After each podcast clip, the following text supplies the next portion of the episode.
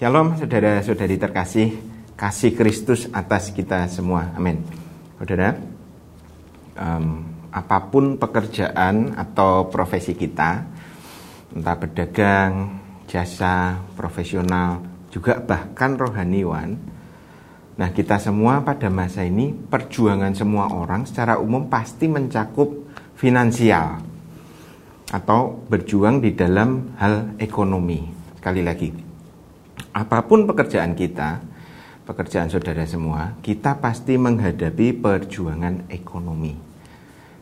Uh, dan dari zaman Tuhan Yesus itu sudah umum uh, tentang finansial ini. Kita baca firman untuk keuangan itu di Ibrani 13 ayat 5. Ibrani 13 5. Janganlah kamu menjadi hamba uang dan cukupkanlah dirimu dengan apa yang ada padamu karena Allah telah berfirman, Aku sekali-kali tidak akan membiarkan engkau dan aku sekali-kali tidak akan meninggalkan engkau.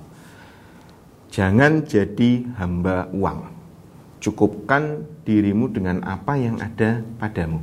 Saudara, pada firman ini Tuhan sedang mengajarkan sebuah pedoman hidup tentang uang dan dampaknya. Karena memang pada tadi pada era Yesus zaman keuangan uh, zaman Yesus hal keuangan ini sudah sudah ada sudah lumrah sudah dimulai. Sudah ada mata uang ada dir, dinar dirham sekel ada penu, penukaran mata uang money changer sebagainya. Nah pada masa Yesus dan para rasul pola keuangan ini sebenarnya sudah ada yaitu bahwa perjuangan untuk memiliki kehidupan yang baik uh, yaitu kalau seseorang punya kekayaan maka semua hal untuk hidup yang lebih baik itu bisa disediakan. Itu pada era-era abad pertama sudah demikian. Misalnya pada masa itu kalau memiliki kekayaan maka orang tersebut bisa menyewa pasukan untuk menjaga keamanan menyewa gembala untuk mengembangkan bisnis membeli lahan subur menyewa tenaga petani untuk uh, uh, hasil bisnis yang uh, cocok tanam yang lebih baik. Bahkan lebih lagi, saudara. Dengan kekayaan pada masa itu, seseorang bisa menguasai wilayah-wilayah tertentu dan menjadi raja-raja kecil. Nah, sekarang pada zaman modern, era kita, zaman yang kita hadapi, sama. Kita semua bekerja dan dalam segala aspek, um, segala biaya itu kita bayar dengan uang ada mulai dari kebutuhan dasar, makanan, pakaian, tempat tinggal. Tempat tinggal itu ada listrik, air, internet, pajak rumah, biaya kontrakan.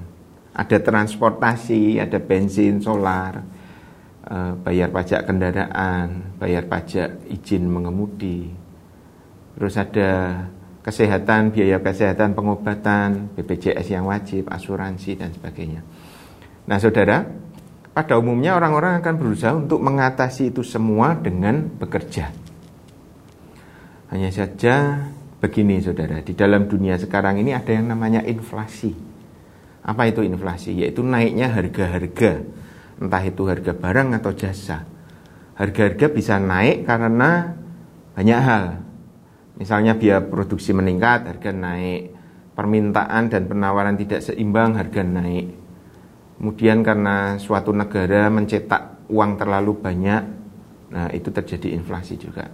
Sederhananya begini saudara, kalau harga bensin naik, maka ongkos kirim sayur dari gunung sampai ke kota sampai ke depan rumah Anda itu juga ikut naik. Entah kita mau fahami atau tidak, mau peduli atau tidak terhadap istilah inflasi, kenyataan dari inflasi ini adalah sesuatu yang kita hadapi secara langsung di depan mata setiap hari. Nah, dampaknya menyeluruh karena kenaikan biaya ini terjadi setiap hari. Tapi tidak setiap hari pemasukan tiap orang mengalami penambahan. Makanya masalah timbul. Nah, sekarang kalau kita baca lagi di uh, Ibrani 13:5 ini, yang pertama, janganlah kamu menjadi hamba uang dan cukupkanlah dirimu dengan apa yang ada padamu. Janganlah kamu menjadi hamba uang. Nah, maka secara langsung sekarang kita bisa pahami bahwa sifat dari uang itu memang bisa memperhamba manusia. dengan tadi inflasi. Tadi kita ngerti, sebetulnya inflasi itu adalah um, ulah dari umat manusia itu sendiri. Tapi kalau salah menyikapi inflasi, maka sifat perbudakan uang itu akan menyetir seluruh tujuan hidup. Nah ini yang Tuhan mau peringatkan dan Tuhan memberikan solusi. Salah menyikapi inflasi, kenaikan harga, atau uh, inflasi dalam bentuk apa pun, maka kita bisa salah merespon, saudara. Ada yang frustasi, menyalahkan bos karena gajinya tidak naik-naik, menyalahkan keluarga, dituduh boros, lebih lagi menyalahkan nasib dan Tuhan tentunya dianggap karena semua kesulitan ekonomi adalah uh, rancangan Tuhan. Nah kalau yang terakhir ini menyalahkan Tuhan ini namanya sungut-sungut. Ini adalah dosa keluaran bangsa Israel dari Mesir. Jangan sampai kayak gini saudara. Ada lagi salah menyikapi uh, gerusan tekanan ekonomi ini yang uh, kemudian bisa membuat seseorang itu betul-betul memiliki pendapat bahwa uang adalah segalanya. Nah, kalau sudah dikuasai prinsip ini, uang adalah segalanya, maka hidup hidup seseorang itu akan dia fokuskan hanya untuk cari duit, memperbudak dirinya kepada mamon atau uang. Karena dengan mamon ini atau uang hampir semua bisa dilakukan. Dan dengan kuasa mamon kita bahkan bisa merasa menjadi seperti Tuhan. Maka orang yang salah menyikapi gerusan ekonomi ini, yang tipe kedua ini biasanya sukses karena gigih, kemudian jadi kaya. Tapi tujuan hidupnya tidak memiliki arti di dalam kekekalan. Nah, sekarang bagaimana dengan kita sebagai orang percaya menghadapi gerusan ekonomi ini? Pertama, kita harus mendengar firman Tuhan ini saudara. Yaitu jangan menjadi hamba uang. Dan cukupkanlah dirimu dengan apa yang ada padamu. Jangan jadi hamba uang artinya jangan mau diperbudak uang. Dan jangan menjadi frustasi saat kebutuhan harus diselesaikan. Dan penting lagi jangan sesekali bersungut-sungut tetapi makna dari uh, jadi hamba uang ini juga maksudnya adalah jangan ingin menjadi Tuhan lewat uang. Karena dengan uang hampir semua urusan, hampir semua keinginan itu bisa kita wujudkan. Perhatikan saudara. Ada firman yang selanjutnya berkata, cukupkanlah diri dengan apa yang ada padamu. Artinya bukan sekedar berhemat atau tidak boros, tetapi dalam firman ini Tuhan mau membebaskan kita. Ini saudara. Dari rasa tidak aman karena perasaan tidak cukup. Tuhan bilang gitu. Nah, sumber kekuatan dari teror kebutuhan adalah rasa tidak aman, rasa tidak cukup, khawatir bahwa hidup saya, hidup anak istri saya, keluarga saya akan berakhir karena biaya yang tidak cukup. Nah ini terornya. Tetapi ada ilusi yang lain yang sama bahayanya, saudara. Dari uh, perasaan tidak cukup ini, yaitu kalau saya uh, pendapat yang berkata, kalau saya tidak bisa mencapai puncak kekayaan, maka saya dan keluarga saya akan hidup terus dalam penindasan orang-orang yang lebih kaya dari saya. Nah, alhasil orang dengan prinsip kayak gini tidak akan pernah merasa cukup tidak akan pernah merasa puas meskipun hartanya terus bertambah. Karena kedua-duanya dua tipe uh, perasaan tidak aman tidak cukup tersebut telah orang-orang tersebut telah mempercayakan rasa cukup mereka, rasa aman mereka bukan lagi pada Tuhan, melainkan masuk pada perhambaan mamon. Nah, Saudara, firman inilah titik awal pertolongan Tuhan. Kalau uh, kita menghadapi krisis keuangan, titik awal kita adalah mempercayai Tuhan yang sudah berjanji.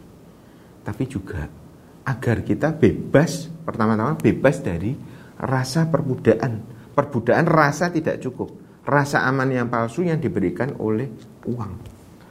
Maka uh, kita juga harus melalui titik awal ini, yaitu hanya Tuhan saja kota benteng dan perlindungan kita. Amin, saudara. Hanya Tuhan yang dapat memberikan rasa aman dan rasa cukup di dalam batin kita. Baca selanjutnya.